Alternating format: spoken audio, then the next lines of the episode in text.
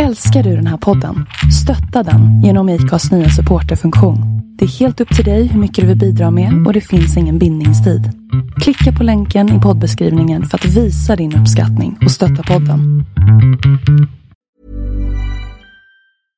Hiring for your small business? If you're not looking for professionals on LinkedIn, you're looking in the wrong place. That's like looking for your car keys in a fish tank.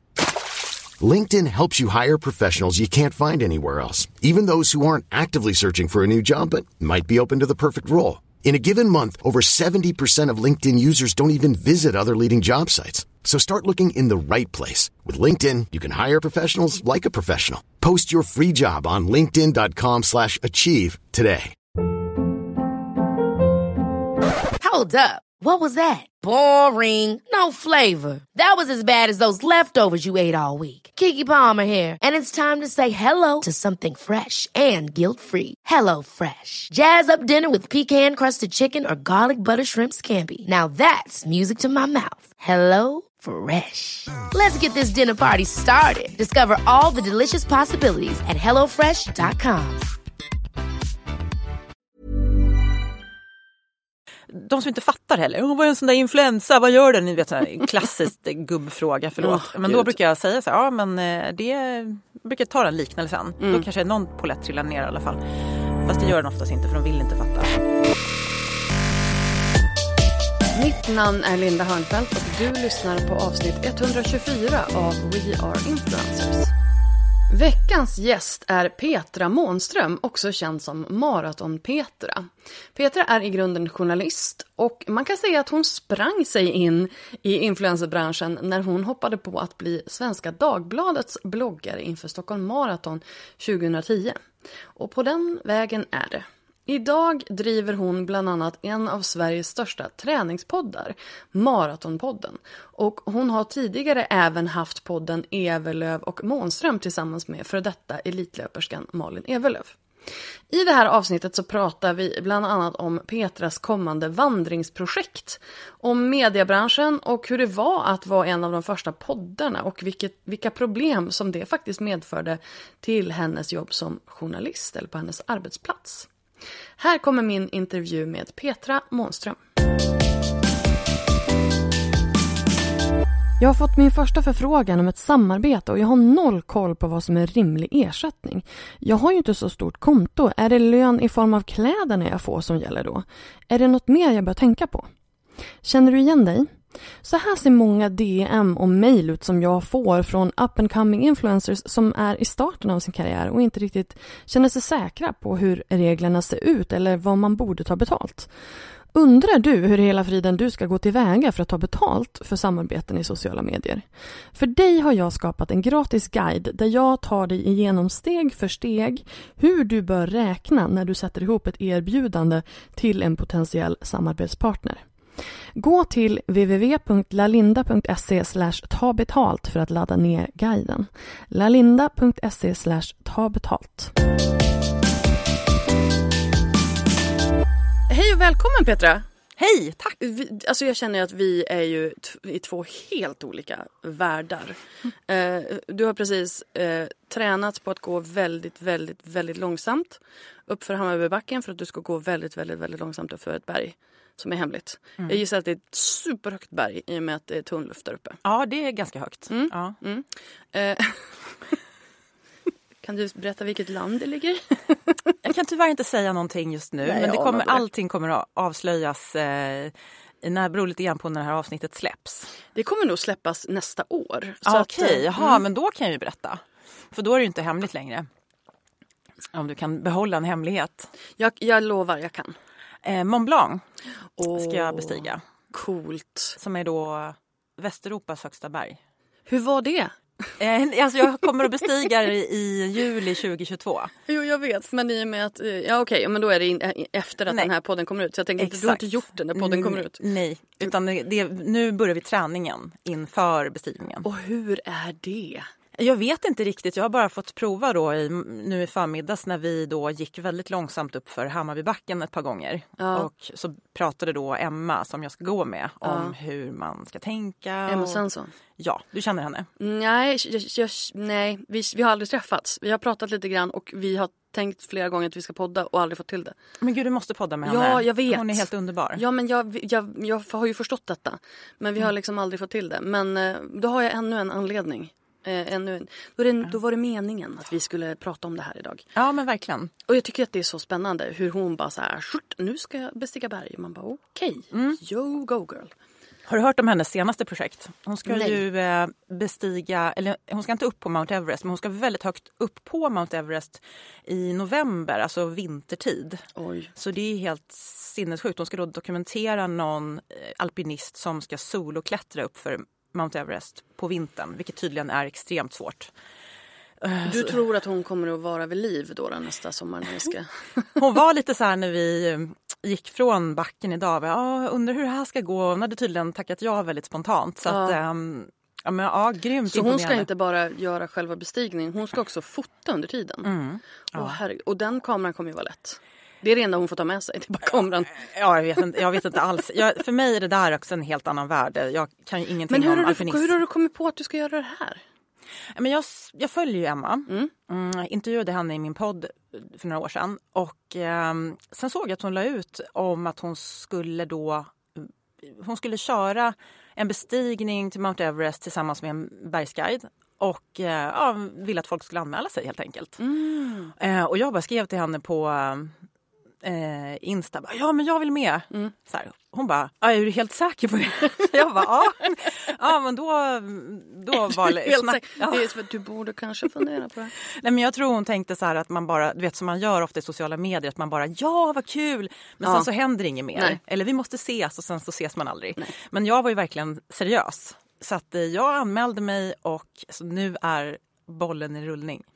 Alltså det här är ju sjukt. Jag menar visst, du är ju extremt vältränad men alltså men, men det här måste ju vara, alltså det är så mycket teknik. Mm, jag vet. Jag är lite rädd för det faktiskt. Att det ska bli, ja. Hur har, du, hur har du varit med bergsklättring innan? Eh, ja, men alltså jag är ju, i mitt forna liv brukar jag säga, innan Instagram och allting kom så sysslade jag jättemycket med friluftsliv faktiskt. Eh, men det finns ju inte så mycket dokumenterat förutom på vanliga foton eftersom det fanns inga sociala medier. Så att jag var ganska mycket ute förr. Ehm, men sen så ehm, ja, men sen började jag jobba på tidning och försökte ja, skapa mig en karriär där och då mm, föll det bort lite grann det livet och så kom löpningen in istället. Så att, eh, men jag har alltid älskat att vara ute och paddla, tälta, vandra. Men kanske inte i den här alpinistdelen, den är lite verkligen så här... Ja, du, du gick ju hardcore på en gång verkligen. Ja, Ja. ja. men jag är lite Det var inte nervös. så här vi tar lite Kebbe eller, eller kanske Trollsjön som jag var till här för några veckor sedan. Har du varit där? Ja, jag var där för några veckor sedan. Eh, Mm. och var underväldigad kan jag säga. Eh, av själva sjön. Alltså vandringen var ju fantastiskt. Men vi, när vi kom fram så var jag så här, jag var hungrig, jag var blöt. Jag hade va- vadat över en jävla jock. Och jag hade ramlat ner i en annan jock. Nej men och, gud, ah, Ja. Ah. och ja, det var kallt och jag var sur och jag ville inget mer. Liksom. Jag var bara så här, nu vill jag gå hem. Och så hade vi den sista stigningen upp till sjön kvar som är brant. Liksom. Ja. Och jag är ju inte någon maratonlöpare. Liksom. Så jag var bara så här, mm, och inte så nöjd. Och så sen kom vi dit och jag bara, ja det är en sjö. Okej. liksom. Det är en sjö och det är fantastiskt vackra berg runt men de har jag ju sett ett tag nu. Så att, liksom, och jag fattar så här om, om solen ligger på och det är helt vindstilla då ser man ju typ hur långt ner som helst. Och jag köper det. Det var inte min situation. Nej, jag fattar. Det blåste och det var molnigt. Och jag, vill, och jag ville ha mat. Ja. Eh, så att, så att jag var underväldigad. Ehm, Vilket härligt ord. men jag känner ändå att så här, vandringen var ju värt det. Lätt, för den var fantastisk. Sjön, meh. det är typiskt resan är målet och då får man ju liksom någonstans mm, så, Ja. tänka så. Jag förstår vad du menar. Jag har faktiskt aldrig varit där. Jag har bara sett eh, Trollsjön på bild. Mm. Men då vet jag att jag kanske inte ska ha för höga förväntningar om jag kommer dit någon gång. Nej, men du kan ha höga förväntan på vandringen. Just så att det. liksom Ja. den i sig är ju ändå, du vet, fantastisk. Så Mm. att klart värt. Mm. Ehm, Abisko och Riksgränsen, hela det, det är fantastiskt verkligen. Ja, men jag såg att du varit där. Alltså, det är verkligen en favoritplats eh, för mig. Ja. Alltså, så vackert där uppe. Ja.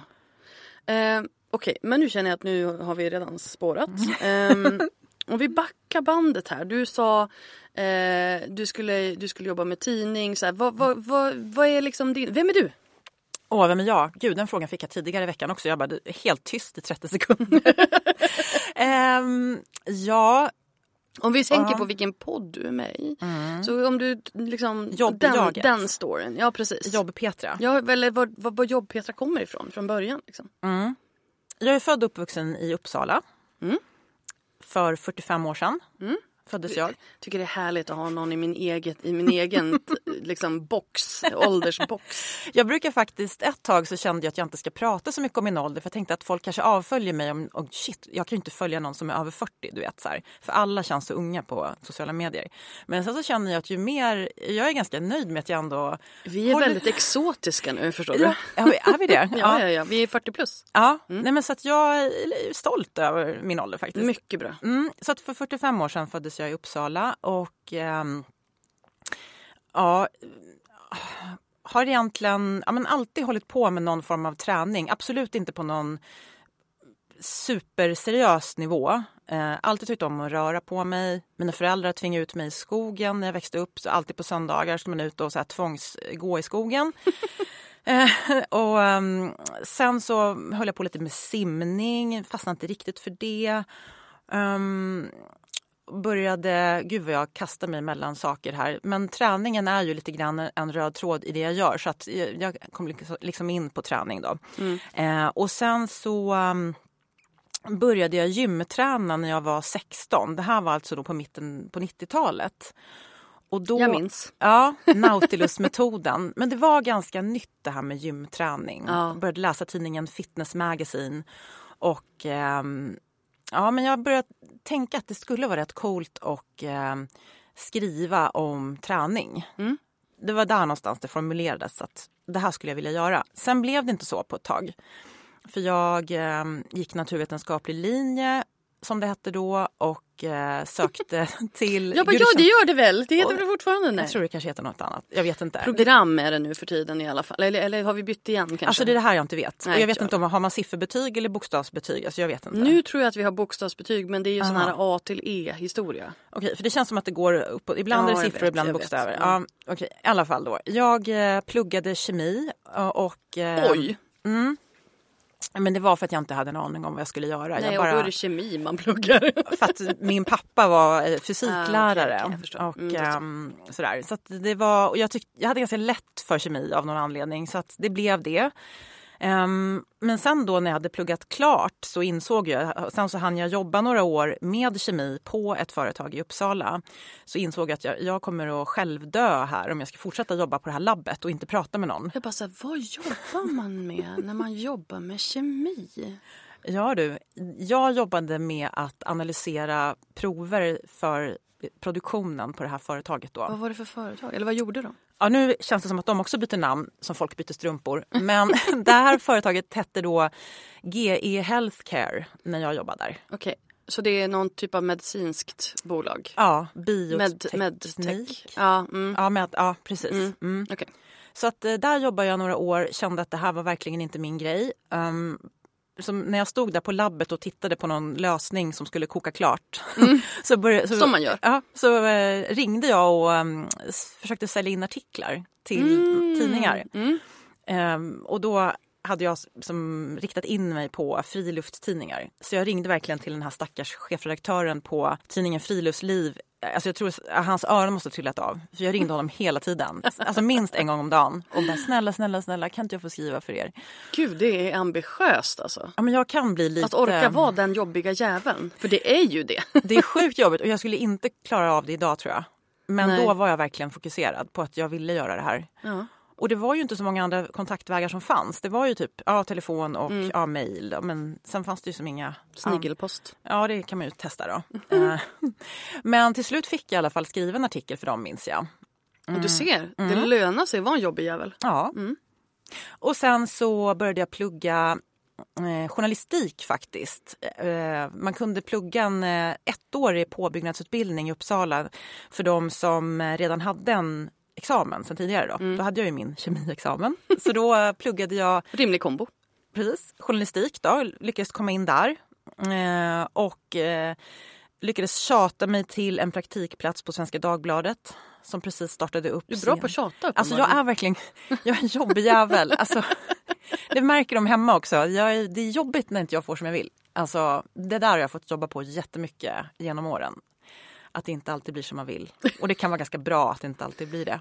Ja, men det är uppenbarligen också en väldigt, eh, väldigt gott eh, person, vad heter det, personlighetsdrag när man verkligen när man behöver det. Det har du helt rätt i. Mm. Alltså man, man måste våga och man får inte vara rädd för att få ett nej. Utan Nej. det är bara, bara ring. Liksom. Mm. Alltså, ju fler nej man får desto mer immun blir man mot det här nejet. Exakt. Så um, precis, så att jag kom in på Svenska Dagbladet också, tjatade mig som sagt till det här. De höll på att starta upp sin eh, bilaga Magasinet. Mm. Så det var väldigt vältajmat då. Um, så att jag, jag började helt enkelt där som eh, praktikant. Och sen när praktiken var klar så fick jag ett vick. Ehm, och sen så var jag kvar där något år, tror jag. Tills det hade gått den här tiden som man fick jobba som journalist innan man blev utlasad, då, som det heter. Ja, ja, ja. Mm. Så då eh, började den här turnén på olika tidningar. Aftonbladet, Expressen. Utlasad, det här har jag inte. Jag har ju, det har, det, har ju, jag har ju hört det. Men du får gärna... Ja, men precis. Ehm, det handlar ju om lagen om anställningsvillkor. Att, Ja, eh, om, anställningsskydd, ja. Mm. ja. Så att de inte ska behöva bli tvungna att anställa dig. Ja, och då får du bara vara kvar ett halvår, ett år. 11 månader har jag för mig att det var Ja, när så jag 12 jobbade. då säkert. Ja. Men då var du tvungen att... Ja. Så att de inte ska bli tvungna att anställa. Så då, blir man, då får man helt enkelt gå. Åh fy fan. Ja, det, men det, det var väldigt tufft. Jag vet inte hur det är idag, men alltså det var extremt tufft. Det är nog Och- inte mycket enklare idag. Det känns inte som att eh, journalistiken har blivit högre värderat de senaste, ja, när Nej. var det här? Nej, Tio för- år sedan? äh, Nej, det här var ju, ska vi se, eh, 2000, 2005. Mm. Och Så 16 år. Ja, och då började, alltså, mm, då började de ju starta upp hemsidor. Ja. Och- Så att det var ju ändå som att det tillkom jobb i eh, digitala medier då som de kallar det för. Nu känns det som att de drar ner överallt, på alla håll och kanter. Eller hur? Så, ja, ja. faktiskt. Vilket är ju ett jättestort problem i sig för demokrati etc. Men det Ja. ska vi inte ta nu. Nej. Men så att, ja, men så där eh, harvade jag runt och ja, det var också på Svenska Dagbladet som jag då var på, den här, eh, på det här redaktionsmötet där min chef sa att vi behöver någon som kan tänka sig och blogga om sin resa mot Stockholm Marathon 2010. För de var mediapartner till Stockholm Marathon. Och eh, ville ha någon som kunde tänka sig att göra det här. För det var ju så inne med bloggar Mm. Mm. då. Man skulle ha en blogg. Så att jag vet inte varför jag tackade ja, men jag gjorde det i alla fall. Bara så. Ja men alltså, för skrev du om träning då? Nej, Nej, det var Ingenting. nog kanske det. Att det var det, det var det du, det var där du kommer jag med analysen. Ja, men det kanske var just det. därför. Ja, Ja. Nej, men att då fick du, du kom du tillbaka till träningsbiten liksom på något ja. vis. Och sen ska man också nämna då att jag har verkligen inte haft lätt för löpning utan när jag gick i skolan så var jag alltså bland de sämsta på Mm. löpning. Jag fick aldrig kläm på den sporten. Så eh, det kanske var någonting med att mitt undermedvetna ville... Nu ska jag ha revansch. Mm, ja men typ. Ja. Och, och, och resten är historia. Nu, snipp, snapp, slut. Så kan vi kan gå nu. ja, precis. Eh, men okej, och då, så det var liksom på svenskan som eh, den här, eftersom Maraton-Petra fick sin, sin start. Ja. Ja, hur var det? Hur var den resan? Hur gick maratonet? Maratonet gick eh, jättebra. Mm. Och ehm, ja, men, när jag precis hade tackat ja och bloggen var igång så famlade jag lite i blindo där ett tag. Sen så var det som att ödet hade ändå bestämt sig för att men vi, alltså hon behöver hjälp, hon behöver en riktning. så att eh, jag träffade på en en man i, det här låter jättesuspekt, när jag var ute och sprang i Uppsala då, vid tillfälle så var jag själv ute och sprang och så kommer en grupp löpare som eh, passerar. Och så är det en, en man, så här jättehurtig man i toppluva som bara Du springer alldeles för fort flicka lilla. Eh, du ska dra ner tempot om det är Det långpass. här är verkligen människorna som man hatar. Det är Ja, de här ja. gubbarna som kommer fram på gymmet och bara, jag ska visa dig hur du ska lyfta gumman. Eller hur? Ja. Ja. Mansplaining, Ja. ja. Eh, ja, gymsplaining. Ja. men så att jag, men han hade ett väldigt karaktäristiskt utseende så jag la det ändå på minnet. Så här. Och sen då tro det eller ej, men när det är snöstorm veckan senare så står jag på gymmet i Uppsala och köar för att komma in och paxa ett löpband. Så att jag ska kunna springa mina intervaller. Som man gör återigen. Ja, det är helt normalt, eller hur? Vem tror du jag träffar på där? Han, hoppas jag. Annars är det en Topp. jättedålig historia. Ja, eller hur? Toppluvemannen. Så jag går fram till honom. Jag bara, kommer du ihåg mig? Han bara, ja, var det du som sprang där i skogen? Så, här. så då började vi snacka. Och eh, så fick han reda på då vad jag skulle göra. Och så erbjöd han sig att hjälpa mig. För han insåg ju att den här tjejen behöver hjälp så var, han blev min Mr Miyagi kan man säga. Om man har sett Karate Kid, om man är Wax så gammal. on, wax off. Exakt. Jag köpte, alltså, jag plockade den, eh, jag poddade precis här innan med en person som är mycket yngre än vad vi är. Eh, och eh, jag kände att där var pop, de popkulturella referenserna inte de samma. Nej. Nej. Nej. Jag, för, Eh. jag förstår. Visst är det lite skönt när folk förstår? Ja. Ja. så skönt. Eh, Så här, ingenting emot de som är yngre, men ibland är det lite skönt när Ibland så är det förstår. skönt att man, inte, att man liksom känner att man känner, lite, man känner lite trygg när man får dra en wax on wax off eh, liknelse. Liksom. Eller hur? Ja. Eh, Okej, så hur gick historien med Mr Miyagi? Eh, Men men vi började träna tillsammans. Han bjöd in mig till olika pass och jag märkte ganska snart att han, men här, han ville verkligen visa mig ett smörgåsbord av eh, löpträning, hur man kan tänka. Så att eh, ja, men vi körde nog en ja, tre, fyra pass i veckan. Och eh, ja, men han tyckte att det var viktigt för att jag skulle hålla mig skadefri och eh, ja, få den volymen jag behövde i kroppen av löpning för att kunna hålla och inte bara kunna klara maran utan också kunna ha ett liv efter maran. Då. Inte så här, nu har jag sprungit 4,2 mil, nu måste jag ligga och sova i tre veckor. Men det är ganska många förstagångslöpare som verkligen så här, du vet, kanske inte tränar så jättemycket utan bara gör loppet. Alltså jag fattar, alltså, och det är ju så här, jag vet inte om det, det är ju kanske en personlighetsgrej för mig, men jag är så här, hur, hur kör du 4,2 mil på bara vilja? Ja. Det, alltså jag skulle dö. Ja. På ja, riktigt? Ja, jag med. Jag ska inte greja det. Jag Nej. ska inte klara det bara mentalt utan jag, jag behöver ha träning. Så att i alla fall en ganska stor del av loppet liksom går lite på autopilot. Och sen kan man gå ner i gruvan de sista milen kanske då. Men, eh, nej. Alltså jag, ni vet, när, man hör den här beskrivningen man bara And why do you do this? Ja, alltså det är, ehm, det, det är jättesvårt att förklara. Alltså, det är jättemånga som frågar varför gör man det. Det måste verkligen upplevas. Mm. Eh, känslan av att eh, efter månader av träning och det har varit kanske pissväder och du har haft motgångar och sen så springer du in där på Stockholms stadion. Du inser att nu är det bara spurten kvar. Du får nya krafter. Du hör spiken prata, kanske nämna ditt namn och springer i mål och bara tårarna bara sprutar och du får din medalj. Alltså, det är endorfin-dusch deluxe. Ehm, Så egentligen är det den sista kilometern som är kul. ja men typ, inte ens det. Sista 250 metrarna. ja, det låter totally worth it. Jag du, springer du, har inte så mycket. sålt, du har sålt in mig. Ja, Jag har sålt in det på morgonen. Jag, jag springer inte så många maror nu för tiden ska vi säga. Jag har börjat tröttna lite på maror. Jag tycker det är lite för långt faktiskt. Men jag har gjort några förut. Ja. Jag, jag kan ana det. Jag kan ana det. Okej, men okej, då har vi liksom, då har vi svenskan, vi har Miyagi. Vad är liksom... Nej, jag är viktig där. ja, men alltså, vi vet inte ens vad Miyagi heter egentligen. Ingmar. Ingemar. Ja, det är ännu bättre. Ja. Eh, men vad är då nästa steg i, i Maraton Petras resa? För nu har hon ju gjort sin första mara här. Ja. Ja, men precis. Och Ja, inte brutit några ben förhoppningsvis. Nej. Och dessutom så, mycket viktigt, jag slog DNs maratonbloggare som de hostade upp bara någon månad Sjukt, före loppet. Så, tog, sjukt ja, så plockade de ju fram Jag en, hoppas ju dock att du gjorde det om de hostade upp den en månad innan. ja, så var den en man dessutom var det Ja. också. Så att, ehm, Snyggt! Mm, jag är lite glad över faktiskt. Mm. Ja, men efter det så... eh, jag var ju som inne i... Det var som att jag spurtade igenom målet och sen bara... Fortsätter du? Nej, men då hade ju bloggen vuxit väldigt mycket. Mm. Och det var ganska brusfritt ska jag verkligen säga då på den tiden som vi pratade om, 2010.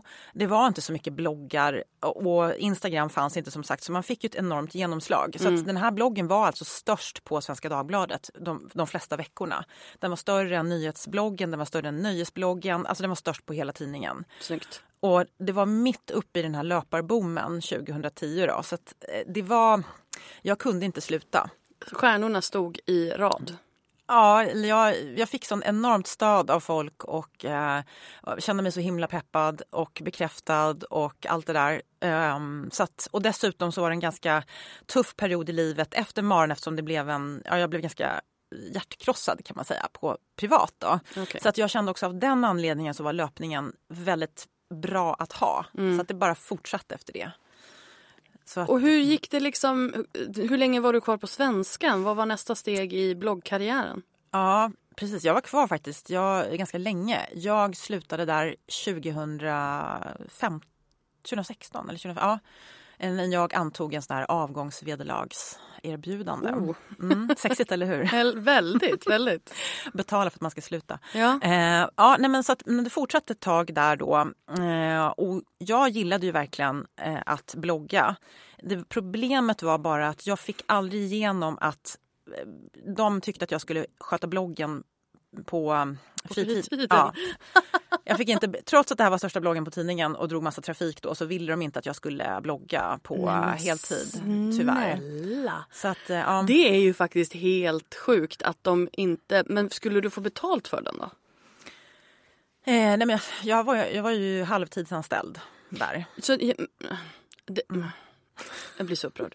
Ja, Eh, jag också. Nej men alltså att man förväntar sig att någon ska dra in tusentals med läsare per dag men göra det på fritiden och inte få betalt för det jobbet. Alltså vad fan, vad är det för jävla tankesätt? Ja, jag vet inte. Med många svordomar men Nej, tyckte men- att det var värt det. Jag tror att det var lite, nu gissar jag bara då, men jag tror att det var lite jantelagen. Att, ehm, ja, men att det var ganska ovanligt då att det var så mycket centrerat kring mig som person. Och att göra någonting som är så centrerat kring dig som person och få betalt för det. Jag menar idag är det ju influencers. Ja. Ja, det finns en podd om det till och med. Eh, nej, men då var det verkligen så här, nej men det kan man ju inte göra. Det, Och Mm. jag tror också att det där är någon slags journalist, är inte, du som nu är journalist, Mm. är inte det där någon slags journalistkutym, eh, os, oskriven regel att man som journalist står i bakgrunden och berättar historien, inte att man är historien? nej. det har du helt rätt i. Det kan säkert vara så. Att det ska vara så objektivt hela tiden och Exakt. inte så centrerat kring Men det här var ju inte en, det här var ju inte en artikel du skrev. Nej. Det här var ju en, en ja, alltså en, en serie krönikor blir det ju egentligen när det är en Ja. blogg. Om man ska tänka liksom utifrån ett objektivt subjektivt perspektiv. Ja, absolut. Så ja, så nu blev jag ju lite, lite upprörd där. Så nu får du fortsätta prata. Ja, precis. Nej, men som du säger, det absolut värsta man kunde skriva i en artikel, det var ju jag. Ja. Alltså det, det fick man ju lära sig på utbildningen att det får man ju inte göra. Eh, men jag framhärdade ju där i, också ett fint ord, framhärda. Framhärda, det har jag inte hört förut. Det var nytt. Även faktiskt ett sidospår, men jag försöker faktiskt på Instagram att använda, jag vill verkligen att folk ska lära sig och inte bara använda de här enklaste orden. Utan man lite så här, det är bra att kunna lite ord. tänker Jag säger liksom i varannan Men det mening. gör jag också. men ibland är det kul att bara plocka fram något sånt här ord som Det var därför du tyckte om eh, under, underväldigad. Just det, den tyckte jag var Jag vet fin. inte om den finns eller om jag bara hittat på det. det. Underskatta, underväldig. Jo, måste finnas. Ja, jag tänker överväldigad och så motsatsen. Ja, det Så jag vet inte, jag har inte... Jo, det finns nog. Kan vi inte säga att jag hittade på det? Jo, men det får vara ditt ord. Tack. Varsågod. Nej, för jag kämpade på där, eh, kände väl att ehm, Ja, nu har jag slutat där så nu spelar det ingen roll. Nej, men jag var nog inte, eh, liksom, jag var inte populärast på tidningen. Nej, det var jag inte. Nej, men nej, du stack ju ut. Mm. Och det Ja. får man ju inte göra. Nej. Och, Ehm, och när det är så, alltså credit tidning, credit yrke och Mm. så sen så kommer du och sätter dig själv i fokus och får all trafik. Mm. Det är klart folk blir sura. Ja, men jag minns också att jag satt på ett eh, lönesamtal med då, jag bytt, det var ju nya chefer som kom hela tiden. Så den chefen jag hade då. Rimligt också. Ja, också så här klassiskt journalistdilemma. Just också journalister som blir chefer, det kan vi nästan ha en egen podd om. För det blir ju nästan aldrig bra. Kaos. Aldrig blir kaos. Eh, De är ju inte födda ledare, de är födda att skriva. Ja. Eh, I alla fall, men då kommer jag ihåg så väl den här formuleringen som, som den här chefen sa till mig att du är väldigt bra för svenskan, men svenskan är också väldigt bra för dig. Glöm inte det. Oj. Mm. Oj, oj. Jajamän. Var det ett hot eller ett löfte? Ja, det, vad tror du? Hur skulle Ja. du tolka det? Nej, jag hade, nog, jag hade nog känt mig lite eh, trängd i Mm. den situationen. Det var nog syftet också tror Ja, jag. Ja, man ska ju få för mycket hybris. Nej, exakt. Mm. Svenskan är ju också bra för dig. Ja. Men sen, eh, sen skakade du av dig den där eh, patriarkala Ja. skruffet. Ja, det gjorde jag. Ja, precis. Eh, nej, men det var mycket saker som hände där. Och för att göra en lång historia kort så eh, och inte hänga ut allt för mycket så det var många chefer som kom och gick och de hade väldigt svårt med det, det digitala. Mm. Det var, ja, men, tänk dig att du är chef över någonting som du inte behärskar. Mm. Och så har du någon som är anställd under dig som kan mer än du. Mm. Och det blir alltid svårt. Om man, har, om man inte har speciellt bra eh, självinsikt, självkänsla. Exakt. Eh, ja, lite för mycket ego. Så blir det väldigt jobbigt. Ja, men som Stordalen brukar säga, han säger ju att han vill anställa folk som är bättre än han själv. Ja. Men det kanske inte är alla chefer som tänker så. Jag tror att det är ganska få chefer som tänker så. Utan då ska man ju liksom, då ska man, det, är också väldigt få chefer som vill leda utan de vill bara chefa. Ja, men Så att exakt. Ja. Det är lite samma sak. Men ja, jag hör dig. Ja precis. Ja, men så att jag tog ju det här äh, avgångsvederlaget och det råkade sammanfalla med att jag äh, var gravid då. Så att, ähm, Lägligt. Mycket lägligt att äh, jag tog det här och sen så övergick det i föräldraledighet och sen så sen dess har jag varit min egen på heltid. Men för jag tänker ändå, den, du, du fortsatte driva den här bloggen sen om den var på fritiden eller inte. Eh, men medan du samtidigt också jobbade som journalist på Svenska då. Ja. Jag smygbloggade faktiskt på, på arbetstid. Ja, det, fullt jävla rimligt alltså. gjorde jag. Eh, ja. Nej, men det var en Men, väldigt eh, konstig tid. Men hur hade du det med andra eh, kanaler under den tiden? Jag tänker om Instagram eller om, om någonting annat ploppade upp då. Nej, Och det- hur känslan var där på tidningen om det... Alltså det, var- nu ska vi se. Alltså Instagram började, kom väl 2014 va? Något sånt där. 2010 kom 2010, Instagram faktiskt. ah, så jag, jag skaffade Instagram två veckor efter att det lanserades. Jag vet, jag är väldigt, Du är en väldigt early adopter. sjukt hipp är jag. Eh, Så, så tidig var inte jag kan jag säga. nej, jag bodde i New York då så jag tror att det kanske också var så här att det var liksom, ja. Du har haft Instagram så länge. Jag vet, det är tio år i år. Nej, igår, i förra året. Jag la faktiskt upp ett blogginlägg så här, med min första det- som är från New Yorks tunnelbana. Nej, men gud, måste kolla Säg, in. sjukt tips. Hade du det här härliga eh, filtret? Ja, ja, ja. Med Gud, ja. ramen? Ram, ja, ja, absolut, absolut. Och, och det var också på den här tiden som man inte riktigt fattade att det var att man publicerade bilderna. Man trodde bara att man redigerade dem. Just det. Och så helt Ja. plötsligt så bara, jaha den här, okej. Ja, för att det fanns inga bildtexter eller du vet någonting sånt. Nej. Nej. Så att eh, så 2010 på hösten kom Ja. det. Mm. Coolt. Ja, men precis. Eh, Så tidig var inte jag då. Jag tror att jag skaffade Instagram någon gång 2014 kanske. 2015, men då kändes det ju inte som att det var på allvar. Så det Nej. var ingenting jag vävde in i jobbet på något sätt utan det var ju bara så här, en kul app som man inte riktigt visste vad man skulle göra med. Mm. Ehm, så att eh, nej, jag hade ingen annan kanal förutom bloggen. Ehm, och Och den- Facebook i och för sig. Och den tjänade du inga pengar på. Nej. Literally, för att du Nej. inte ens fick betalt av dem som hade den. Nej, jag skrev Ehm. artiklar för olika tidningar och frilansade. Det var så jag tjänade pengar. Ja, men inte på liksom... Men då tjänade du ju pengar kanske på varumärket men inte på, på liksom själva trafiken eller vad man ska säga. Nej, jag har absolut visst att jag tjänade lite pengar på varumärket. Men Eftersom var att du hade ju börjat etablera ett, ett personligt varumärke Ja. ganska tidigt. Ja, absolut. Jo, men det tror jag. Sen vet jag inte hur mycket tidningarna brydde sig om att det var just jag som skrev artikeln. Men du kan säkert ha rätt i att det kanske bidrog till att man sålde lite fler artiklar. Förmodligen för de kände till ditt namn och du hade ju också en expertis inom... För jag tänker att du kanske ofta skrev artiklar inom träning, ja. eller? Ja, men helt rätt. Ja. Absolut. Och då tänker ja. jag att det ändå liksom kanske spelar in. Det är min analys, jag har ingen aning. Nej, det kan absolut stämma. Eh, jag, jag, alltså jag utbildar ju personligt varumärke så jag vill ju gärna ha Mm. rätt. Nej, men jag tror det. Sen det där ordet personligt varumärke, det började väl dyka upp då någonstans när sociala medieplattformarna blev fler och fler. Och, så att det, det kan absolut stämma. Jag har inte ens tänkt på det. Men eh, det är klart att jag har haft nytta av att jag jobbat på Svenska Dagbladet och man stack ut på det sättet. Det fanns ju andra som skrev om löpning också, men det var klart att man blev lite mer kreddig för att man jobbade där. Ja, och, tror Såklart. du att, och, och tror du att det var att du jobbade på Svenskan eller att du faktiskt hade bloggen där? För det tror jag också att Ja. hade du varit en anonym journalist på Svenskan kanske inte hade varit lika... Nej, det kan nog ha att göra med att jag hade bloggen där. Och sen ja, men att jag stack ut ehm, ja, men i hur jag klädde mig och att det, var färgstarkt och som jag inte ens tänkte på. Jag bara klädde mig i sånt jag gillade. Men ehm, det var ju väldigt många som var upprörda också, ska vi, ska vi säga. Det var ju inte bara en sån här kärleksbombning. Utan det var ju väldigt många som skrev till chefredaktören och tyckte att eh, de skulle ta bort den där bloggaren och Det var ju för att du tog för mycket plats. Ja, klassiskt. Det, Ja. ofta, det var ju garanterat också bara män som... ja, nu vet inte jag. Men jag tror inte att det bara var män. Nej, okej, det kanske bara var jag. Men jag vet inte, ska, ska jag verkligen inte säga. Men ehm, ja. Ehm, Och när du då eh, fick detta fantastiska avgångsvederlag. Eh, På 100 000 kronor. ja men alltså. Get, det, det var där du fick tillbaka pengarna för bloggen eller Ja, åtminstone delar av dem. Fem års arbete. Exakt. Ja, nej, men rimlig, rimlig Ja. lön. Mm. Ehm, vad hände då? Vad hamnade du då? För då var ju bloggen eh, free agent. Mm. Mm. Ja, men jag eh, reggade faktiskt namnet maratonbloggen.com och .se och allt det där jättefort. Mm. Liksom, tänkte jag, Snyggt. innan någon annan gör det. Så att, eh, den hade jag. Eh, och sen så reggade jag även då min egen domän, Petra Månström, petramanstrom.se. Malmström. Ja. Ja. .com och bla bla. Eh, och sen så eh, körde jag vidare Mm. med det. Eh, och bloggade, men det var ju inga pengar jag tjänade på det utan det var ju fortfarande artiklarna jag skrev som Ja. jag tjänade pengar på. Så vad kom liksom influencerskapet in i, i det här?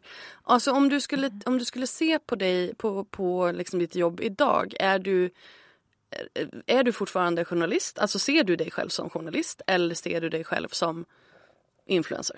Om jag får, om jag får använda det otroligt eh, provocerande ordet.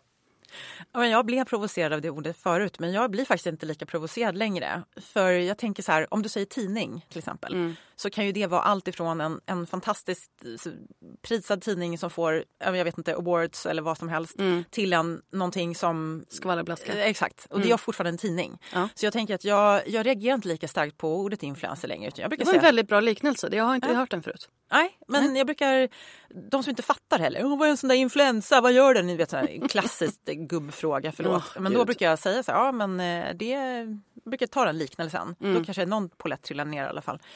Fast det gör den oftast inte för de vill inte fatta. De Nej. bara Och det är ju det som är problemet i de allra flesta fall. Ja, nu har jag glömt bort vad du frågar mig.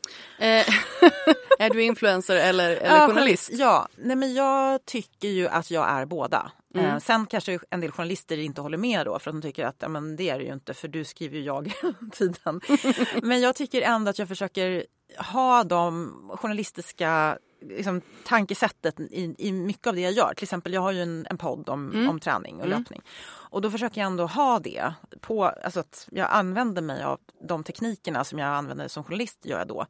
Men när jag skriver på Instagram och sådär tycker jag väl inte att jag kanske är så mycket journalist utan då är jag ju mer influencer. Mm. Så det flyter nog in i varandra lite grann tror jag. Men nu jobbar du bara för dig själv Ja, och inte för några andra tidningar. nej. Då ska du mycket mer betalt.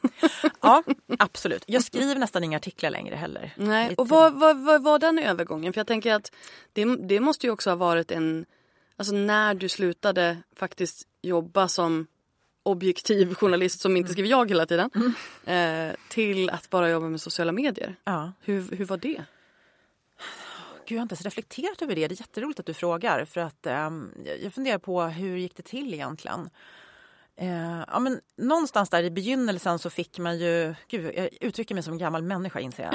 Eh, I begynnelsen. Ja, men alltså, jag gör det hela Hur tiden. gammal är jag? 45. Ja, tack. Det har du sagt Eh, redan. Glömt. Nej, men jag- då fick man ju någon sån här påse müsli hemskickad och man tyckte att det var det största som har hänt mig. Mm. Ja, ja, att, gud, ja. Wow, jag fick müsli gratis. Japp. Det här var ju någon, liksom, för länge, länge sedan. Ehm, men sen började det komma mer och mer förfrågningar där man fick lite betalt. Mm. Kanske någon tusenlapp för att skriva någonting på bloggen. Det var bloggen först. Ehm, jo, men sen så började jag ju, just det, i samband med min graviditet så blev jag ju värvad till Mama Mm, mm. eh, Bonnier-tidningen. Yes. Då. Och eh, efter att ha varit där ett tag så gick jag över till Amelia. Mm. För de satsade ju väldigt mycket på sina bloggar. Japp. Så att jag var där ett tag. Och eh, sen så, eh, så slutade jag där och sen så fortsatte jag då en egen domän. Så att genom dem kom det en del samarbeten också. Mm. Och sen så insåg jag att eh, jag måste ju ha en podd. Så jag startade en Det är klart podd. man måste ha en podd, herregud. Jag har två. Eller hur? Har du två poddar? Ja. Ah, vänta, vilka, vad heter den andra? Vad fan håller jag på med? Ja, just det. Det är den och du har med Alexandra. Alexandra Bylund, ja, precis. En det. entreprenörspodd om att inte riktigt veta vad fan man håller på med. Ja men gud, det är så klockren. Ja, eller hur? Nej men där... Eh, Alex tyckte att den skulle heta Entreprenörspodden 2.0. Jag bara, nej, nej, nej. men den var, det här namnet var mycket bättre. Tack, det tack. kommer man ihåg bättre. Mm. Nej, men, eh, och då var det ganska också brusfritt i poddvärlden. För att jag När var det här? 2013. Mm. Va? Ja. Startade du en podd 2013? ja. Jäklar. Jag blev faktiskt intervjuad av en podd som heter Husky. En eh, kille som Var Magnus. han också igång så tidigt? Alltså han var ju supertidig. Åh, han var herregud. ju extremt tidig. Jag började 15 och jag tyckte jag var tidig. Mm. Ja, men, och då var ju värvet igång, kommer jag ihåg. När jag, och så kanske typ Filip och Fredrik eller någon så här. Ja. Så det var väldigt, Alex och Sigge. ja säkert.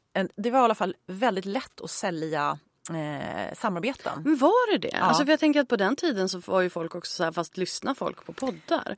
Är det här en grej? Hur mäter man? Alltså du vet alla de där grejerna som, som har att göra med nya kanaler.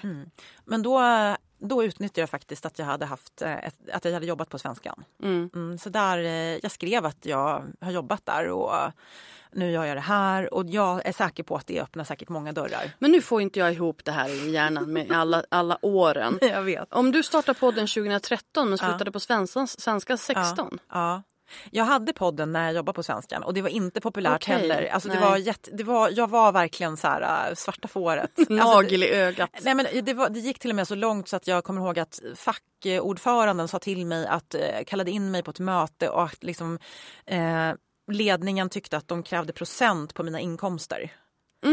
För att jag på något sätt drog nytta av... Men du fick inte betalt för bloggen. Eh, nej, det fick jag inte. Det kändes ju som en jävligt rimlig förhandling. Ja, Men alltså, och, och då att kunna stå emot det och Ja. inte bara säga oj oj oj förlåt. För jag menar svenskan är ju ändå svenskan liksom. Ja. Alltså det har hänt saker också där som jag inte kommer att berätta här men som inte är roliga alls. Ehm, så att, ehm, det är också väldigt få som vågar prata om sånt här tror jag. För att, eh, ja, men det, är en, det är en rätt smutsig bransch alltså. Ja, Det- ja mediebranschen är ju inte... Nej, om folk... Och det är en liten liten ankdamm liksom. Jajamän. Ja. Ja. Så att, men jag kände nog... Men det är kaxigt av dem att Mm. komma och säga att vi ska ha pengar för det du Mm. gör fast vi inte betalar dig för det jobbet du gör här. Men det var ju för att jag, de ansåg att jag utnyttjar varumärket då, deras varumärke. Ja. För att, ja i alla fall, men jag har nog alltid varit en nagel i ögat. Jag, jag, jag har mm, historiskt alltid haft svårt, speciellt med manliga chefer. Eh, även kvin- alltså alla chefer egentligen. Det är, därför jag inte har, det är därför jag är min egen chef. Jag tycker att det är jättesvårt. Jag rättar, vill inte rätta in mig i ledet. Jag gör som jag vill. Ja. Typ. Och det har alltid varit ett problem. Då har du ju världens bästa chef just nu. Liksom. Ja, den Ja. är oftast bra. Jättebra chef. Ja, hon är inte, hon är inte så bråkig. Nej, den chefen jag, låter mig oftast göra som jag vill. Nej, men jag, det var jättetufft. Jag ska verkligen inte sticka under stol med det. Det var superjobbigt. Mycket jobbigt. Mm. Mm. Eh, Men eh, då har jag åtminstone fått ordning på min timeline här. Jag trodde ju att, jag trodde att du hade någon typ av så här gag rule typ alla SVT, SVT.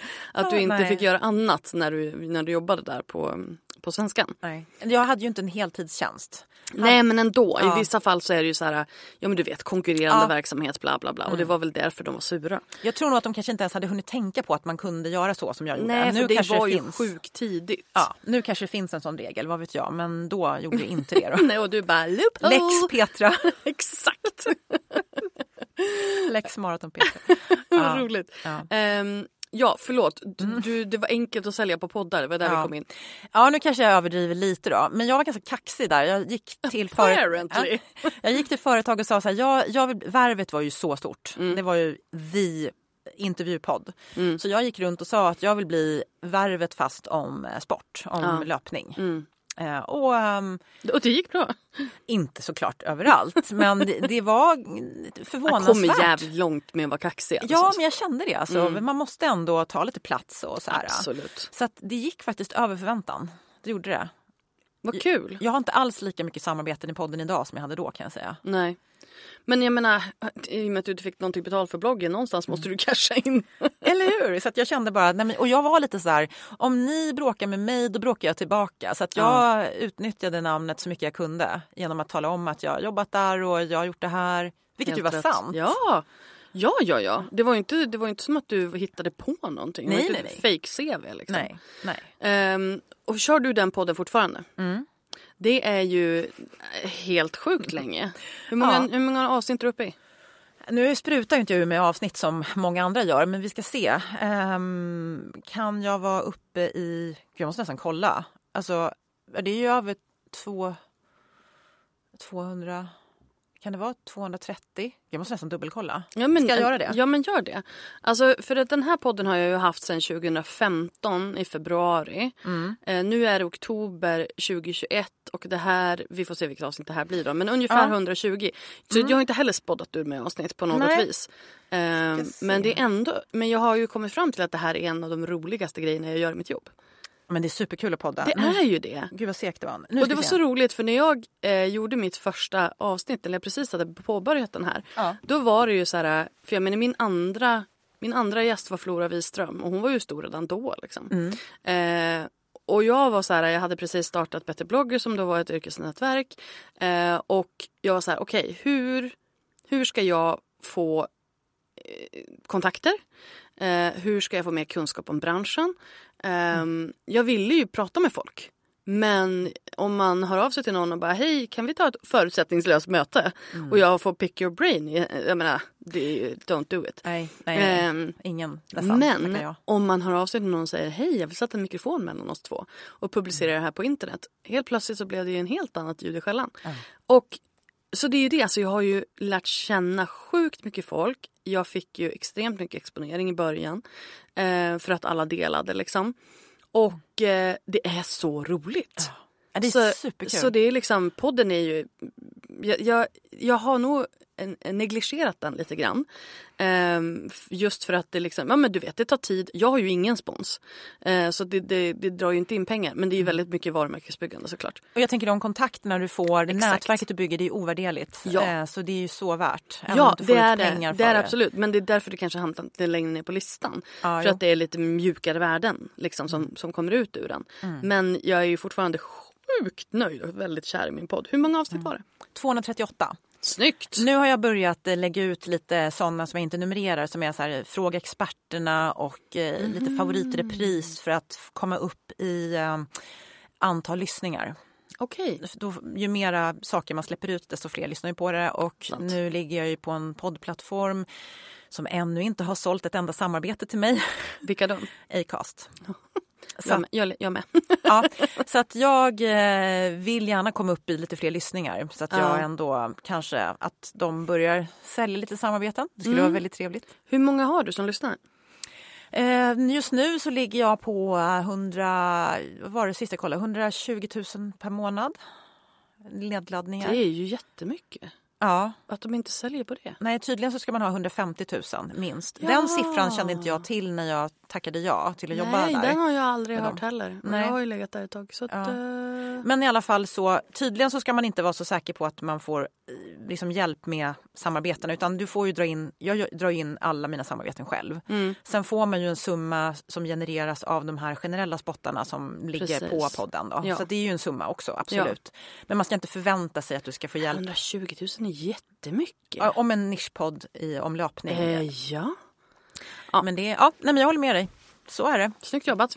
Tack. Eh, jag bara, eh, har vi, är, vi, är vi framme i nutid nu? Uh, ja, Ja. det beror på hur snabbt du vill gå fram och vad du vill ta, prata om. Eh, vi kan vara framme i nutid om du vill. Nej, det vill hemskt gärna vara. För jag menar, tänk att podden startade 2013. Vi har ju precis kommit till, jo, eh, varför slutade du, varför gick du tillbaka till egen plattform med bloggen? Du menar att jag lämnade Bonnier? Ja, Eh, jag, det- jag, vill inte, jag vill inte frasera det så. Men, men ja. Eh, nej men det var, det var faktiskt för att jag kände en stress över att jag fick betalt per, eh, alltså hur mycket trafik jag hade på bloggen. ja. Och, och jag är en sån där som tycker att det är jobbigt när jag får inte ha 5,0 i snittbetyg på min Uber, mina Uber-betyg. Om man, bor, om man bor på en plats där det finst Uber-bilar, Ja. alltså, då kan man få betyg av taxichaufförerna. Och Som, som du, betygsätter, du betygsätter eh, chauffören och chauffören betygsätter dig. Jaha, det tror jag inte ens att jag har fattat. Har jag betyg på Uber? Åh, Gå herregud. inte in och kolla där om du är som jag. Oj, oj. För då blir jag blir stressad av att jag inte har högsta snittbetyg. Nej men gud, måste jag vara trevlig och så? Alltså trevlig är jag ju. Ja, men stäng inte att jag dörren måste... försiktigt. Hosta Oj. inte i onödan. Ät inte mat i baksätet. Det har jag inte gjort Nej, men jag tycker att jag har stängt dörrarna jätteförsiktigt och jag har alltid varit trevlig mot alla men jag har ändå 4,8 bara. Okej, det Okej. kanske är lite Nej, men jag lite bjuder väl. lite på mig själv här. Men Ja. det, det här är ju en egenskap som jag inte tycker är jätterolig. Men jag liksom är så pass trygg i mig själv så jag kan prata om Ja, det. men vad skönt. Men jag tycker som sagt, 4,8 tyckte jag lät ganska bra ändå. ja det, det är Man kan, det. man kan ta det för att smälla, få smälla dörren ibland. Ja men eller hur, eller äta Mm. en korv i baksätet. men jag tyckte ändå att det var jobbigt med det här mejlet som kom varje månad. Den här månaden har du fått så här mycket trafik och du fick så här mycket pengar. Och det Mm. var, jag bara kände att nej, men jag orkar inte. Ehm, jag måste bryta mig loss. Ja men alltså, och, och, men, men då är ju frågan hur tjänar du pengar på bloggen idag? jag tjänar inga pengar på bloggen. Nej. Inte i, i skrivande stund. Jag har fullt sjå med att liksom, eh, skriva ett inlägg per halvår just nu, vilket inte är bra. För jag känner ju lite grann nu när jag upplever att Facebook tweakar algoritmerna i sina kanaler hela tiden så känner jag mer och mer att det är viktigt att ha sina egna plattformar. Det är viktigt att de lever vidare. Preaching jag- to the choir. Så podden lever ju vidare. Jag Ja. är väldigt stressad eh, när det gäller bloggen. Känner Mm. att jag borde jobba mer på den men jag hinner inte. Vad gör du nu? Ja, man kan väl säga att framförallt så jobbar jag med Instagram Mm. och skapar content där och försöker blåsa liv i den där jäkla algoritmen som jag känner alltid jobbar mot mig. Ja men det, det tror jag alla känner. Eh, och eh, det hjälper ju inte att man stressar upp sig över det för det kommer inte hjälpa ett skit. Men det är ju som du säger, alltså, fokus på dina egna kanaler måste få ett högre fokus. Ja. Eller få ett högre, en högre prio. Ja. Ehm, och sen behöver du inte blogga varje dag. Jag tänker att en blogg idag finns ju mer till för... Eh, jag, tänker att, jag, jag tänker att det räcker bra att lägga ut kanske ett inlägg i veckan eh, som också är väldigt, väldigt sökmotoroptimerat. Så att majoriteten av, av trafiken kanske kommer från Google. Men då är ju också frågan vad som är the endgame vad gäller affärsmodell generellt för bloggen. För, att, för jag tänker nu är, nu är din enda inkomst samarbeten. Eh, nej, eh, eller ja, om du menar samarbeten på Insta. Ja. Nej, det, det är det ju inte. Utan jag får ju lite inkomster via eh, podden. Ja, Eh, och sen så, på lyssningarna. ja, eh, jag, jag coachar ju också inom löpning. Eh, Du kör det fortfarande? Ja, jag har en del kunder. Mm. Eh, Inte jättemånga, men jag har en del kunder. Jag gör även en del företagsträningar och föreläsningar. Mm. Men absolut, majoriteten av det jag tjänar eh, kommer absolut från Insta. Det skulle vara lite jobbigt om det försvann. Det skulle vara väldigt jobbigt om det försvann. Mm. Det är därför jag, sitter, jag håller på att utbilda mig till personlig tränare idag för att få lite mer pondus inom träning och på sikt liksom skaffa mig ytterligare en plattform då att Mm. eh, jobba utifrån. För jag tänker ju, jag är ju eh, en väldigt stark förespråkare för egna digitala produkter. Eh, och jag tänker att där är ju du, där skulle du ju kunna utveckla jättemycket. Så jag, jag blir ju intensivt uppvaktad av eh, såna här eh, plattformar som samlar träning. Ah. Mm. Det är, jag vet inte hur många som hör av sig hela tiden. Men du behöver ju inte dem. Du har ju ett eget varumärke. För jag tänker att grejen med den typen av plattformar är ju att de drar trafiken, de sköter annonsering och så sen så ska du bara leverera innehållet. Men du har ju också ett extremt starkt personligt varumärke som, eh, som kommer med extremt mycket värde. Så att du behöver ju inte, du bidrar ju med trafiken. ja, Du behöver absolut. inte få den från någon annanstans. Nej. Från någon annanstans. Så att det jag är ute efter det här det är att jag tror att det är väldigt vanskligt i längden att lägga alla sina ägg i Instagrams korg. Mm. Ehm, för att den kan trilla omkull och crack the eggs. Absolut. Um, och gud, alltså min hjärna, så här, min popcornhjärna bara så här, drar iväg och bara nu är en annan historia om att knäcka ägg. Nej Linda, nej Linda. Det är inte, nej, inte detour. I alla fall. Eh, och då tänker jag att just det här att skapa affärsmodeller där du gör en affär direkt med dina kunder eh, eller dina följare är ju framgången. Och det gör du till viss del med, med den här coachingen.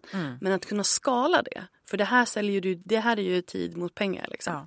Ja, precis. För att som idag lägger jag ut ganska mycket olika små klipp på Instagram med träning. Mm. Och absolut har tanken slagit mig att eh, ja, men, fixa, styra upp de här lite grann. Mm. De här olika tipsen och eh, sälja. Eh, så. Samtidigt så vet jag också att folk är väldigt vana att få saker gratis. Ja, Och Vilket här, stör mig lite. ja, det förstår jag. Men jag har en, jag har en lösning. Eller jag har, en, jag har ett bra sätt att förklara det här. Alltså, jag, min primära inkomst kommer ifrån min onlinekurs. Eh, som heter Social Brand Lab och är en, en onlinekurs i personligt varumärke. Allt det som finns i den kursen, mer eller mindre, finns gratis på internet. Ja. Ingenting är nytt. Jag har inte hittat på några nya strategier eller modeller utan jag har ju, jag har ju optimerat såklart utifrån min erfarenhet. Men, men ingenting är liksom hjärnkirurgi. Det är ingenting jag har ett patent på. Liksom. Det jag har gjort det är att jag har kurerat, alltså jag har tagit fram det som är viktigt och slopat det som inte är viktigt. Jag har satt det i rätt ordning. Jag har paketerat. Och så får man mig. Som en liten rosett liksom, det. på det hela. Det är det man tar betalt för. Det faktum att du paketerar, eh, du kurerar och du ger en, en roadmap, vilken ordning man ska göra saker och ting. Det är liksom det du tar betalt för. Inte nödvändigtvis innehållet i sig. Därför att det finns i sociala medier. Ja. Och det finns liksom, ja, att googla. Ja, men det är jättebra att du säger det. Och eh, faktiskt, jag plockade också upp en grej som eh, en av mina lärare på PT-utbildningen sa. För jag var väldigt stressad över att jag inte är någon gymperson. Jag, jag kan inte göra en perfekt knäböj till exempel. Det kan ju många av mina kursare. Du är ju maraton-Petra, det är ingen som förväntar sig det. Nej, men du vet 4,8 i snittbetyg, Ja, ja, ja, ja, bla bla bla. Mm. Eh, att man hänger upp sig på sitt Uber-betyg, den är, nej, den är ny. Go, never go there säger jag bara. Jag, kolla aldrig det där.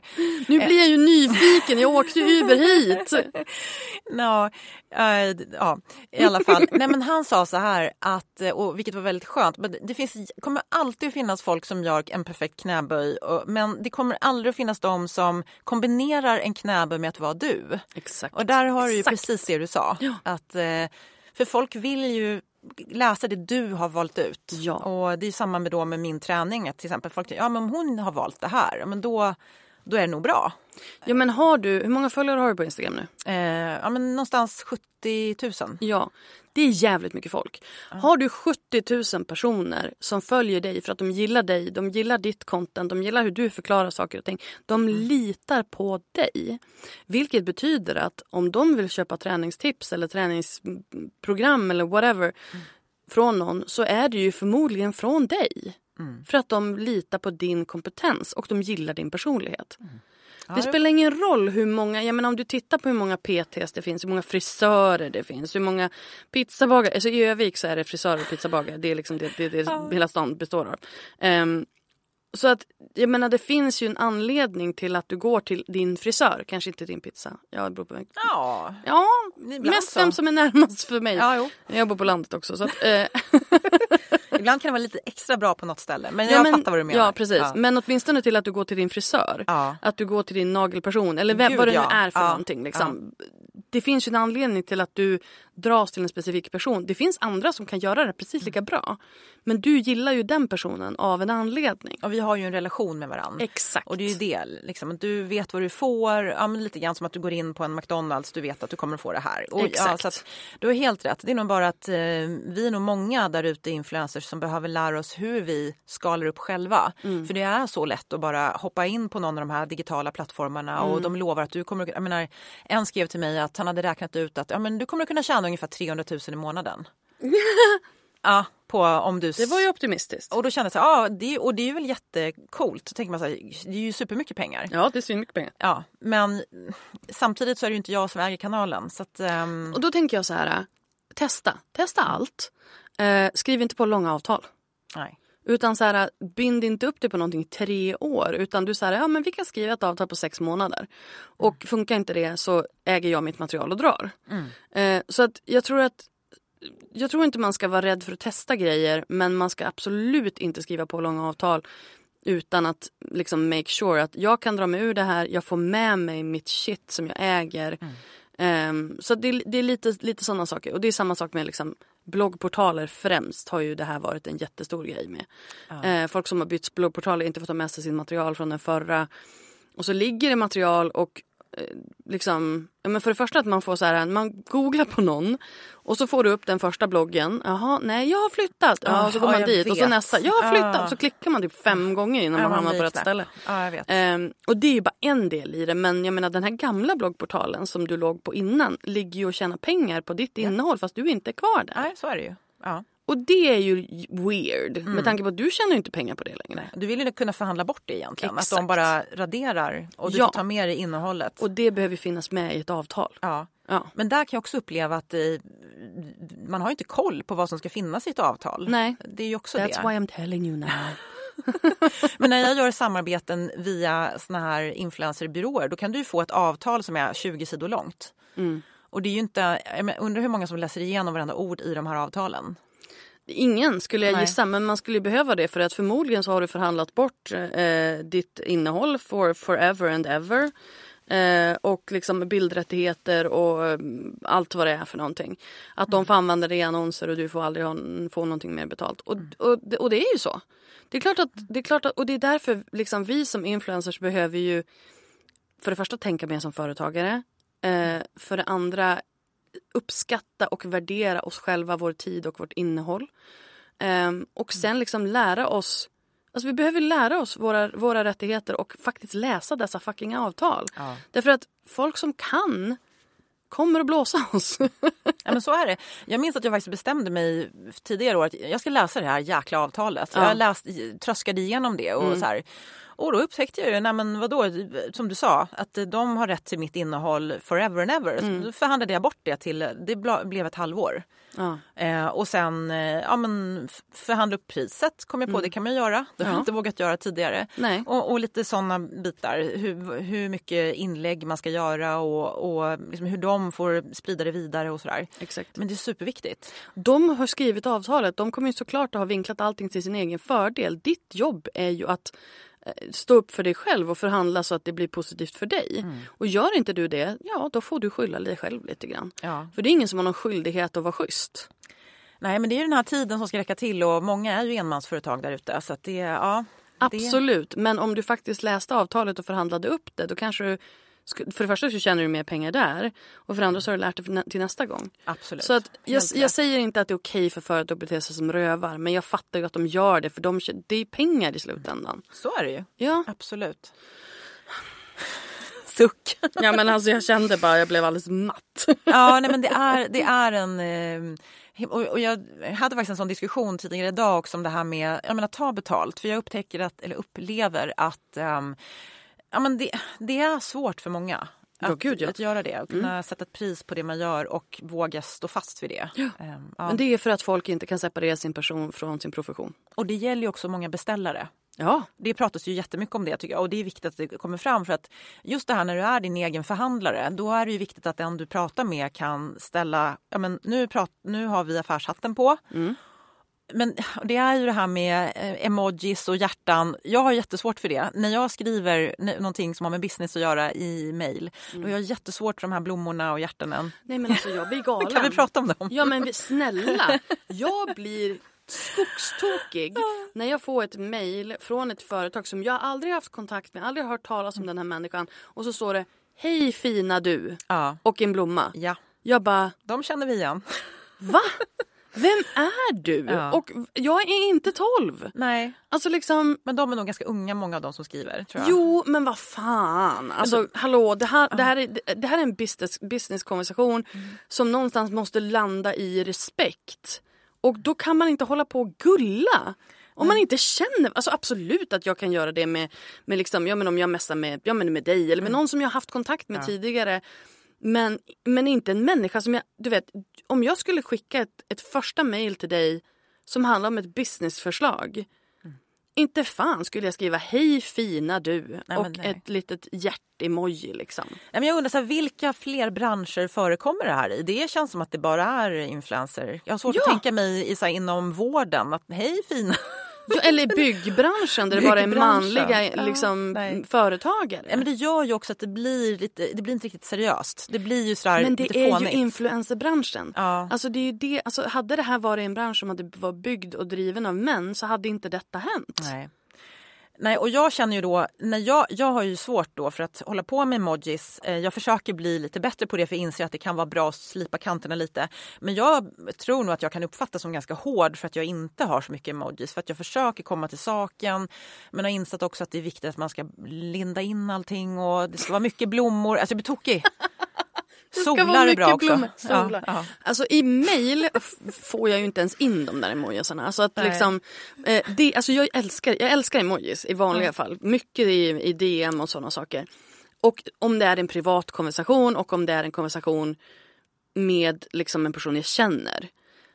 Och på Instagram kan jag också så här DMa med företag och då kan det bli en liksom, men just det här att du hör av dig till en person som du aldrig har träffat och ska försöka verka som att ni är liksom buddy buddies. Mm. Så det, jag, jag, har så svårt, och speciellt också för det här, alltså man missförstår mig inte, det här är en strategi. Ja, ja, ja. Det här är en, en ett extremt uttänkt strategi från deras håll. Mm. Att nu ska ni verka som att ni är kompisar och så är du, gullar du lite grann, lite komplimanger mm. och så kommer de att gå överens på, komma överens med, om det vi vill och så får du en produkt. Mm. Och så vill vi ha typ 50 inlägg och så ja. eh, ska vi behålla ditt, ditt material forever and mm. ever. Ja, och det roliga är ju de här som man märker tydligt att de har copy-pastat bara. Så att ah, jag har följt dig länge länge och är så, tycker ja. innehåll. Och så går man in och kollar om de följer mig och det Nej. gör de ju inte. Nej. Jag bara, men snälla, alltså, ja, men som du säger det är ju en strategi och mm. det fattar ju vi men det kanske mm. inte alla som fattar det. Och jag så tycker att... att det är så sorgligt någonstans att, för det är så predatory, att företag mm. liksom jag, jag, vet inte ens, jag har inga svenska ord här. Um, men att man liksom feeds off mm. det faktum att det här de, de flesta som de kontaktar är unga tjejer som kanske inte har den bästa självkänslan, som vill vara med, som vill känna delaktighet, som vill känna tillhörighet, som mm. känner att om jag får ett samarbete så blir jag cool. Um, mm. Och det är ju det, det, är ju det, de, det är ju det de siktar in sig på akilleshälen. Liksom. Ja men utnyttjar ju verkligen ja. Eh, deras eh, sårbarhet och Exakt. osäkerhet. Vad fint att journalisten kunde komma in och förkorta det där lite grann. Framhärdar. Nej jag, jag håller verkligen med och jag kan känna också så här, jag som försöker kämpa för att liksom, få upp mina arvoden och så vet jag att eh, det står tusentals eh, unga tjejer där ute och killar som är beredda att göra, som du säger, 50 inlägg eh, för produkter. Exakt. Och det blir jag tokig på på. Så. Vad ska vi åt det?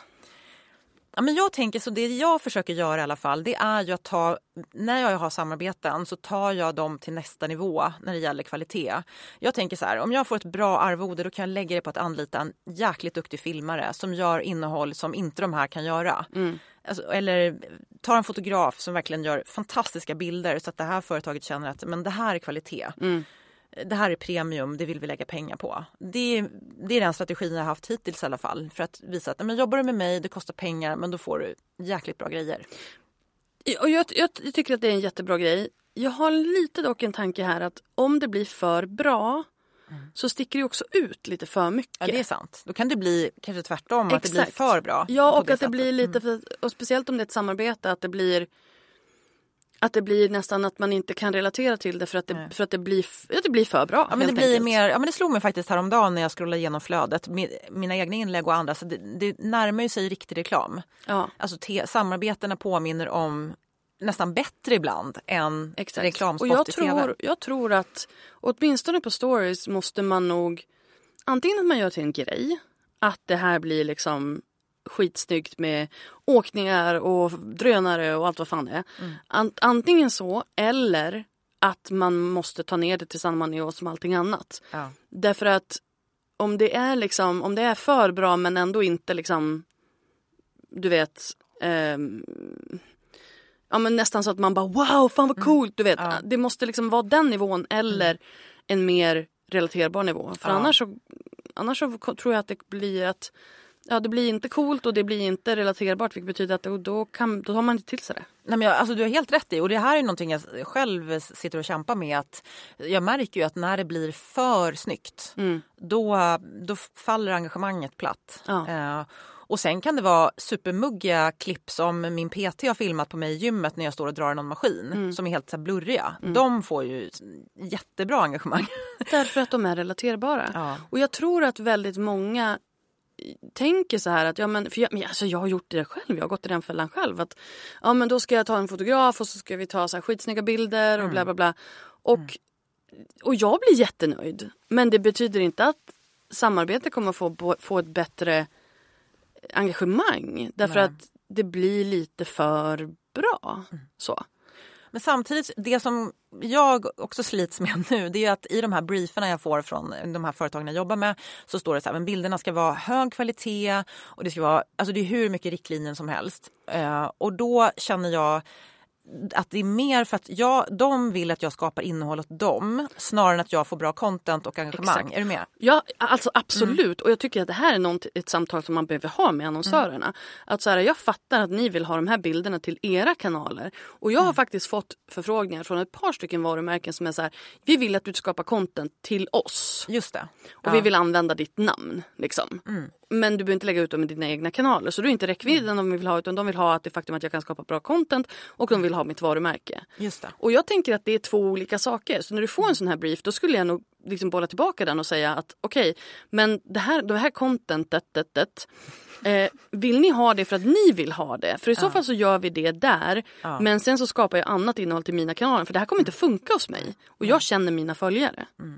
Nej, men, och det där, är där har vi ju en kanske affärsidé till influencers också att man kan erbjuda företag att vi kan skapa content åt er. Absolut. Och det behöver inte gå i mina kanaler, det är bara content jag gör och då får man ju skriva på någon form av reklammodellavtal. Exakt. Eh, jättedyrt. Ja. Men, nej, men helt rätt. Så Det är, en också svår- sjukt att, så här, Ja. att reklammodellavtal ska vara dyrare än att synas i en kanal för 70 000 följare. Ja, jag vet. Ja. Alltså det är ju också så här... Vad, bet- vad säger det om hur vi värderar influencerrollen och, det, det, och vår publik? Ja, äh, men du har helt rätt. Det känns som att den här branschen är så ung så att alla bara, det, är- all, det- allting flyter omkring, Ja. ingen har koll på någonting. Det är blommor, det är emojis, det är, det är upprörda känslor, det är dåliga arvoden. Åh, Gud. Ja, Ja men verkligen. Men jag känner att där känner jag ändå att det är skönt att det finns människor som du. att det finns människor som du. Tack. Som liksom någonstans försöker hålla fanan lite högre och, ehm, ja, men och, ta, och, och, och liksom och någonstans ha, en, ha ett helikopterperspektiv. Att så här, det här är inte nytt. Det vi gör nu, det är inte nytt egentligen. Jag menar, om det, är liksom, det är en reklamkanal och det är en kändis och det är en kompis och det är en reklambyrå. Och det är alla de sakerna i ett. Hur fan kan det bli billigare än en av de här? Men jag tänker så här, det här brandtalet du höll nu, Tack. det skulle ju så många behöva våga hålla när man sitter där. Det, det är trist att man ska behöva göra det, men jag önskar att fler vågade stå på sig och säga just det här som du sa. När man sitter där med en beställare som kanske är mycket äldre än man själv, mycket mer erfarenhet, mycket mer liksom, vältalig än vad man själv är. Men att man faktiskt vågar. Då kan man ta med sig det här som en soundbite. Just det, och spela upp. bara, vänta, nu. jag ska bara... trycka på play. Exakt. Nej men det är ju helt sant och, och det känns som att det är så viktigt att och liksom upprepa det, bara verkligen så här, hamra in det. Ja. Då fortsätter vi helt enkelt med det. Eh, vi måste börja avrunda. Eh, Så att jag tänker att jag ska ge dig den lilla, lilla uppgiften i att eh, så här, om, du skulle, om du skulle komma igång idag och jobba som influencer. Vad, vad, vad skulle du börja? Vilken ände skulle du börja? Vad, vad ge, vill du ge för tips till de som är rookies? Som, som, eh, som ändå har ett Instakonto tänker du? Ja, de kan ju ha startat igår. Ja, just det. Ja men då skulle jag verkligen säga att Uppenbarligen så är det Instagram som du tycker att man ska skaffa i alla fall. ja, alltså jag här och nu, eh, vad är det för datum? Eh, Det är den, det stod inte på den här klockan. Nej, det är den slutet på 29 oktober, tror jag. 29 oktober 2021. Då tror jag nog att ja, TikTok-världen är ju helt borta för mig. Mm. Så att eh, det kanske är där man kan vara om man känner att man är TikTok-människa. Jag är inte det. Så att jag skulle köra på Insta. Eh, då skulle jag verkligen säga eh, välj en nisch som du trivs med och som du kan tänka dig att skriva om och håll dig till den. Försök inte göra allting. Det kommer inte att funka för de finns redan där ute. De som gör precis allting och försöker vara överallt samtidigt och det blir inte bra. Utan jag lovar, jag har, jag vet inte hur många tiotusentals inlägg jag har gjort om löpning. Eh, det går att skriva om samma sak på triljoner olika sätt. Mm. Så det skulle jag verkligen säga. Älskar det. Mm. Älskar det. Preaching to the choir, återigen. Nej men alltså, och, och sen så betyder inte det att man inte kan vara personlig. Nej, att man nej. inte kan slänga in ett, ett inlägg eller en story om vilken hudvård man använder någon gång då och då. Ja, ja, men att du behöver ha ett fokus, du behöver ha en kärna. Ja, mm. verkligen. Så de som följer dig ska känna att det är ungefär som att kliva in på en Donken var som helst. De vet vad de får. ja, eh, och så ju, bra. Om du vill tjäna pengar, mm. det är ju det du frågade. Är det så att man bara absolut. vill finnas på Insta, ja men då kan du väl lägga ut bilder på grannens hund. Ja, exakt. Då är det bara whatever floats your boat. Liksom. Exakt. Men vill du tjäna ja. pengar så måste du liksom vara lite strategisk. Ja. Ha en jävla strategi. Ja men lite så. Mm. Precis. Och kanske ha ett antal inriktningar som du loopar, som du märker funkar bra. Kolla din statistik. Märker du att ja, men folk verkar gilla när jag eh, reflekterar lite kring, kring, min personlighet eller kring livet. Då kan du köra ett sånt inlägg så loopar du det med något annat som funkar. Vad har du? Eh, nej, men jag har lite såna reflektioner kring livet och hur jag mår. Och sen så har jag ju då de här övningarna som jag ger helt gratis på mitt Instagram. och sen, men jag, jag lovar dig, skulle du sätta ihop dem till typ en spellista på en på en kursportal, då skulle du kunna ta betalt för det. Ja. jag behöver nog få en spark där bak. Men du har helt rätt. Mm. Så du har ju stenkoll på det här. Yep. Och, så det, det, är egentligen de två. Sen kanske om jag lyckas, någon fotar mig något snygg plagg någon gång som inte är löpning. Då kan det vara lite kul att slänga upp. Men det är mest de där två mm. som jag loopar. I love it. I love it. Mm. Tack. Det här var ett fantastiskt samtal. Tack Petra. Ja, superkul att prata med dig. Kul ämne. Det gör ja. vi om en ja. annan dag. Det tycker jag. Tack och hej. Hej då. Tyckte du om det här avsnittet? Då får du hemskt gärna dela det på Instagram och tagga mig att lalinde och hashtag weareinfluencers. Vill du ha hjälp med att utveckla din egen influencer business? Gå till lalinda.se influencer för mer information om hur jag kan hjälpa dig utveckla dina sociala kanaler. Tack för att du har lyssnat på det här avsnittet. Vi hörs nästa gång. Ha det bra. Hej då.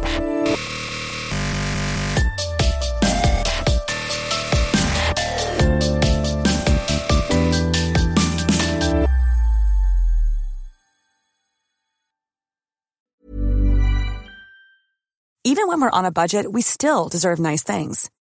Quince is a place to scoop up stunning high-end goods for 50 to 80% less than similar brands. They have buttery soft cashmere sweaters starting at $50, luxurious Italian leather bags, and so much more. Plus, Quince only works with factories that use safe, ethical, and responsible manufacturing. Get the high-end goods you'll love without the high price tag with Quince. Go to quince.com/style for free shipping and 365-day returns. Hold up. What was that? Boring. No flavor. That was as bad as those leftovers you ate all week. Kiki Palmer here, and it's time to say hello to something fresh and guilt-free. Hello Fresh. Jazz up dinner with pecan-crusted chicken or garlic butter shrimp scampi. Now that's music to my mouth. Hello Fresh. Let's get this dinner party started. Discover all the delicious possibilities at hellofresh.com.